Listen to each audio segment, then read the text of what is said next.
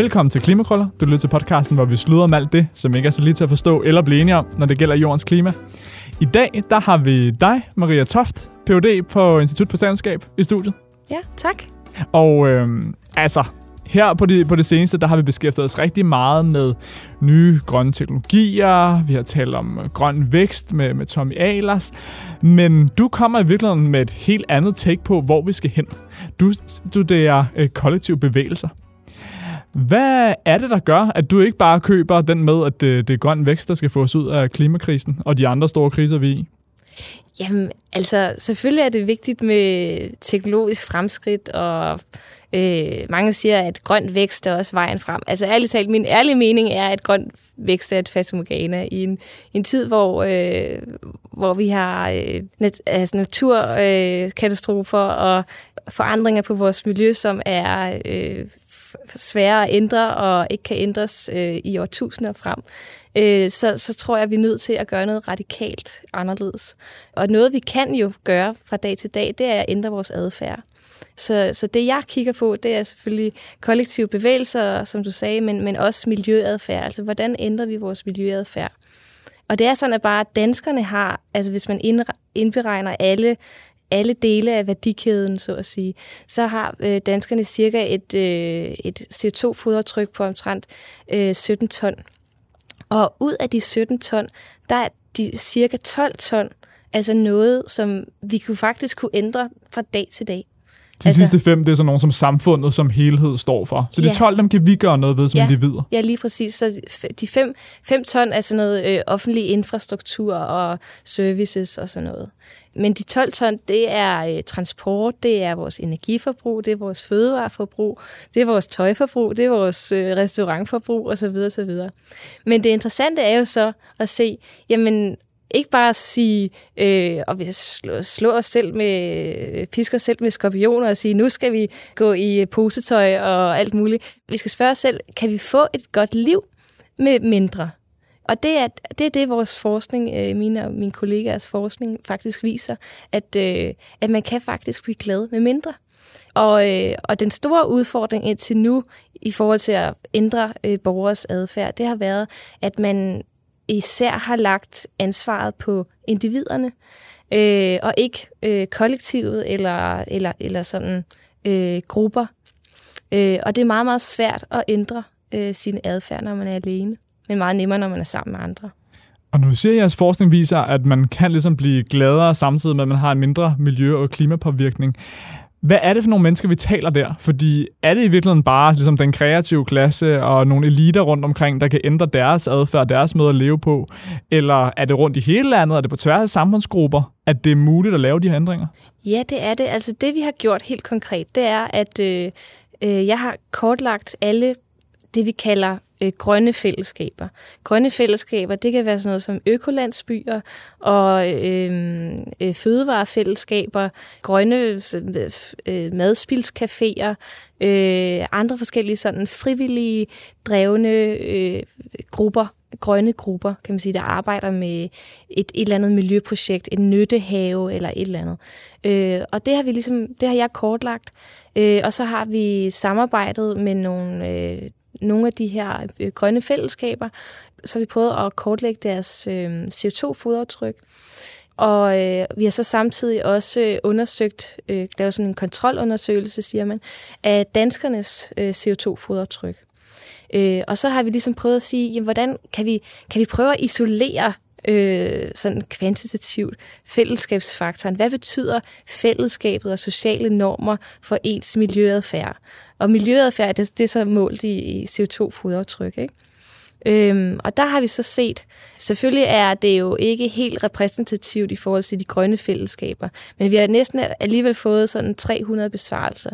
Øh, og, og de er altså fra de grønne fællesskaber, og de er spredt ud over hele landet, og øh, fra forskellige indkomstgrupper, forskellige øh, uddannelsesniveauer, øh, køn, øh, alder osv., også rimelig repræsentativt. Øh, og så har vi selvfølgelig den repræsentative kontrolundersøgelse med lidt over 1000 danskere. Det er rigtige statskundskaber, det her. Det er folk, der har styr på deres metoder. ja, sådan da. Øh, men, men, øh, men i hvert fald, altså selvfølgelig er det jo ikke kan man ikke sådan hardcore sige, øh, vi har nu bevist, at der er en kausal sammenhæng. Øh, men, men, men sammen med den her undersøgelse har vi så, så, har vi så prøvet at ligesom isolere fællesskabsfaktoren øh, på miljøadfærd, og den viser i vores model, altså alt andet lige, indkomst, alder, køn, øh, uddannelse, viden om klima osv., øh, der kan det at være med i et fællesskab øh, reducere dit fodaftryk med alt fra halvanden til 3 ton. Og ud af de 12 ton er det jo faktisk ret signifikant. Ikke? Og selvfølgelig, det er en korrelation, men, men hvis man for eksempel går ind og ser på, øh, altså et laver feltarbejde, øh, som, som øh, vores gruppe også har lavet. Øh, jeg har også været i feltarbejde, og antropologerne har også været i feltarbejde. Så ser vi, at øh, jamen, der er i de her fællesskaber nogle øh, infrastrukturer, der gør det muligt at træffe de rigtige valg. Altså for eksempel en social infrastruktur, øh, hvor man øh, ligesom, et, der er noget peer pressure, ikke? der er noget normer, nogle normer, der bliver dannet, og nogle fælles mål, man, man laver i den her, det her fællesskab. Øh, men, men dernæst, så, så er der også bare det her med, at man specialiserer sig i forskellige arbejdsgrupper, og dermed kan man træffe, altså dele erfaring med hinanden, og viden med hinanden, og træffe øh, meget nemmere de rigtige valg, så at sige. Ikke? Og så er der så selvfølgelig de fysiske infrastrukturer, altså for eksempel i en økolandsby er det jo meget øh, Sine, at, øh, øh, at, at jamen, man kan komme til, til, øh, til madklubberne, men der er fælles vaskeri, der er fælles energisystemer, der er fælles øh, rensningsanlæg, der er øh, sortering og, og så videre, og delebiler, og man kunne blive ved, ikke? som bare gør det nemmere. Øhm, og så øh, nogle øh, fællesskaber er der også en digital infrastruktur, som også gør det, især i fødevarefællesskaber, så gør det transparent og demokratisk og alle de dejlige ting. Og de individer, vi har i Danmark, som øh, ikke føler, det er så oplagt at deltage i en økolandsby mm. eller, eller lignende. Klart. Hvordan får vi, med, øh, får vi dem med og får påvirket dem på, på samme måde? Hvad er det for nogle fællesskaber, de skal ind i? Ja, altså Mm, det er jo klart, at, at, øh, at bo i en økolandsby er ikke for alle. Øh, men, men man kunne tænke sig øh, mange af de her fællesskabsinstrumenter blive bredt ud, også i sådan almindelige boligområder. For eksempel øh, så, så er der lige kommet et, øh, øh, nogle direktiver fra, fra EU, som arbejder med, at øh, det skal være nemmere simpelthen at dele energi og strøm imellem sig, øh, boligerne imellem sig man skal ikke bare være forbruger af energi, men man skal også være producent af energi. Så man kunne forestille sig nabofællesskaber, som arbejdede sammen om at dele strøm osv. Det, det, tror jeg, det tror jeg bestemt, vi er på vej imod. Så kunne man også forestille sig, øh, altså fødevarefællesskaber er jo ikke sådan Øh, det er jo en gang om ugen, kommer man og henter en pose, ikke? Eller sådan, det, er ikke, det er jo ikke sådan, at man øh, giver køb på al sin frihed. øh, og, og, øh, og så kan man også forestille sig, Øh, bytte øh, reparationscaféer i ens naboområde osv. Altså simpelthen bare arbejde med de her fællesskabsinstrumenter og brede dem ud rundt omkring. Det, det, det er et totalt stort udnyttet potentiale, som jeg, som jeg ser det. Og det lyder som om, det er ikke kun individerne, der skal skabe og deltage øh, i de her fællesskaber. Det er i virkeligheden også et værktøj, som øh, organisationer eller politikere kan bruge. Øhm, Hvil, hvilke eksempler er der på, at, at, det, er, at det lykkes øh, for eksempelvis øh, politikere eller organisationer at, at, at lave fællesskaber, som, som folk er med i, øh, i virkeligheden som, som udgangspunkt, og ikke skal aktivt melde sig ind i? Hmm, altså, der er især øh, sådan landbrugs øh, udkantskommuner, som er begyndt at få øjnene op for det her øh, med også at bygge, altså bygge til fællesskaber øhm, og simpelthen trække nogle driftige unge øh, folk til, til udkantskommunerne. Øhm, så, men, men, men det interessante er, det er jo sådan især græsrodsbevægelser, øh, som driver det her. Øh, men det er noget, som er meget, meget stærkt i Danmark, og vi har jo også en stærk altså tradition i Danmark, og historie for andelsbevægelser, og altså i det hele taget arbejde i fællesskaber. Og det er også her, hvor øh, den internationale bevægelse for økolandsbyer er startet, det er i Danmark også. Øh, så der er, jo, der er jo et eller andet ved vores samfundsmodel, som, som er god, fordi man kan aldrig melde sig helt ud af samfundet. Og det vil sige, at, øh, at øh, når, man, når man laver de her fællesskaber, eller øh, energisamarbejder, eller fødevarefællesskab, så skal man ofte ligesom have hjælp fra nogen, hjælp fra kommunen, eller der er nogle regler, man skal overholde, en planlov, man skal overholde osv. Man er, man er altid ligesom, øh, på engelsk siger man embedded, øh, man er altid en del af samfundets net, så at sige, i Danmark. Man kan ikke melde sig ud. Og derfor så er der sådan en meget, meget flotte sådan, synergieffekter rundt omkring, hvor, øh, hvor de her grønne fællesskaber faktisk er dem, der rådgiver øh, kommunerne, og dem, der øh, sparker døre ind og øh, ændrer lo- lovgivning og forskellige støtteordninger osv. osv. Jeg synes, det er interessant, fordi vi har tidligere talt om det her med, hvor effektivt det er at komme ud med det positive budskab, som du gør her i forhold til at sige, om vi kan udveksle erfaring og alt det der, så kan man i et fællesskab. Men du nævner jo også det element, der hedder peer pressure, altså mm-hmm. gruppepres. Mm-hmm. Hvilken rolle tror du, gruppepres kommer til at spille i forhold til at få ændret vores adfærd? Vi kender det jo fra, fra rygningen, hvor ryger er virkelig blevet shamed ud, og i dag der står vi virkelig, vi er glade nok for resultatet med, at der ikke længere er så meget røg i det offentlige rum. Og omvendt så tænker man, blev de lidt voksenmobbet, alle rygerne? Hvad tænker du om peer pressure på stort samfundsskala? Jamen, altså det er jo altid, det er også været meget sjovt i, at være altså, i feltarbejde i nogle af de her økolandsbyer, og det er jo alle sammen, de elsker og hader det samme, altså samtidig, ikke? Altså, at, at, at nogle gange det indtryk, man får, og, øh, men, men det overordnede billede, og det er så også det, vi ser, det er, at, øh, at, at folk faktisk bliver gladere. Altså, folk bliver mere tilfredse med livet.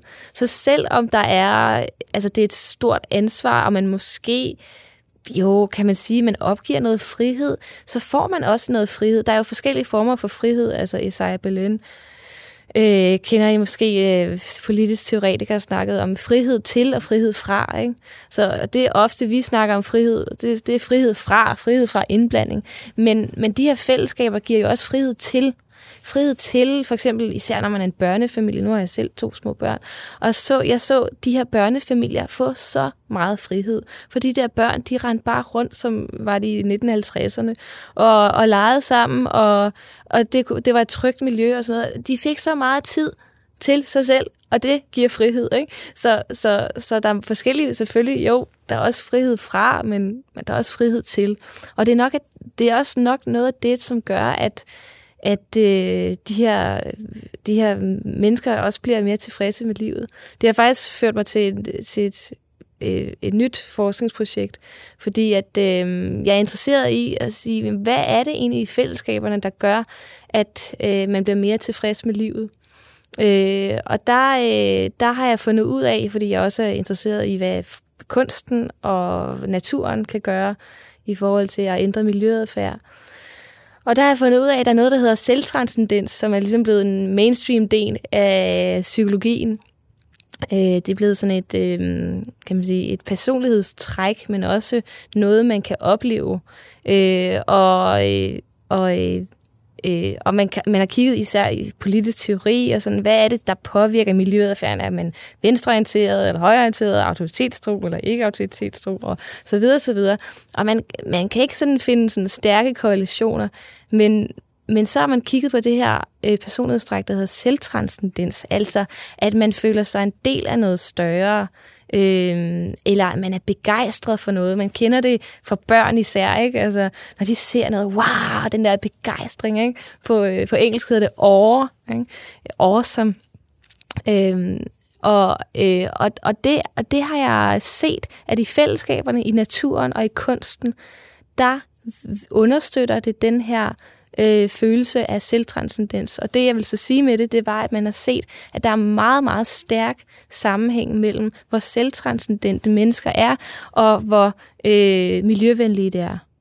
Og det synes jeg er interessant, og det, man ser også, at de bliver mere tilfredse med livet, forbruger mindre, bliver mindre, mere solidariske, øh, gladere mennesker af det hele. Altså, øh, og det interessante er, at vi altså, det, det er mit nye forskningsprojekt, og det jeg er kommet til at tænke på, det er jo, at vi styrer vores samfund ud fra døde ting især. Ikke? Altså, Øh, det er selvfølgelig lidt øh, radikalt at sige, men, øh, men vi styrer vores samfund ud fra BNP og forskellige indikatorer, som i virkeligheden er døde mål. Altså, hvad, jeg synes, ja, apropos døde, vi burde, vi burde lytte til, til, til de mennesker, der ligger på deres dødseng. Hvad er det, der betyder noget for mennesker?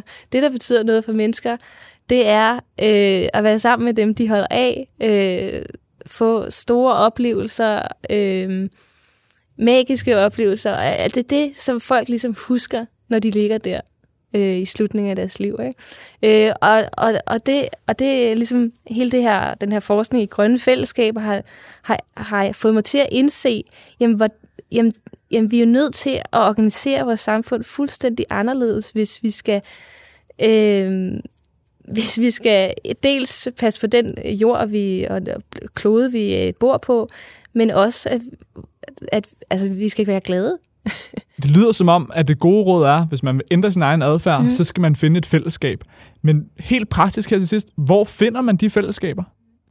Altså, der er der er mange fællesskaber. De ligger jo, altså, det gode ved vores tid, det er, at de alle sammen nærmest på øh, sociale medier eller på internettet, ikke? Så, så altså, hvis du bare vil starte blødt, kan du jo starte i et fødevarefællesskab. Øh, de fleste byer øh, er der faktisk fødevarefællesskaber. Øh, så der kan man jo starte. Øh, og så i forhold til sådan at bo altså i en økolandsby eksempelvis, det, altså det er faktisk noget, der er kæmpe stor efterspørgsel for, men øh, der er simpelthen ikke nok øh, boliger. Øh, og det, det er svært at starte sådan noget, øh, bare en gruppe. Altså, øh, jeg, jeg talte med en økonom, som var specialist i det her, og hun sagde sådan, at hendes vurdering var, at cirka en tiende del af de projekter øh, lykkedes med at starte en økolandsby. Så, men, øh, men hvis man vil og vedholde, så kan man sagtens, tror jeg. Det synes jeg har været en uh, samtale, man blev glad og optimistisk af. Uh, så tak for det, og tak fordi du vil komme ind forbi mig. Tak.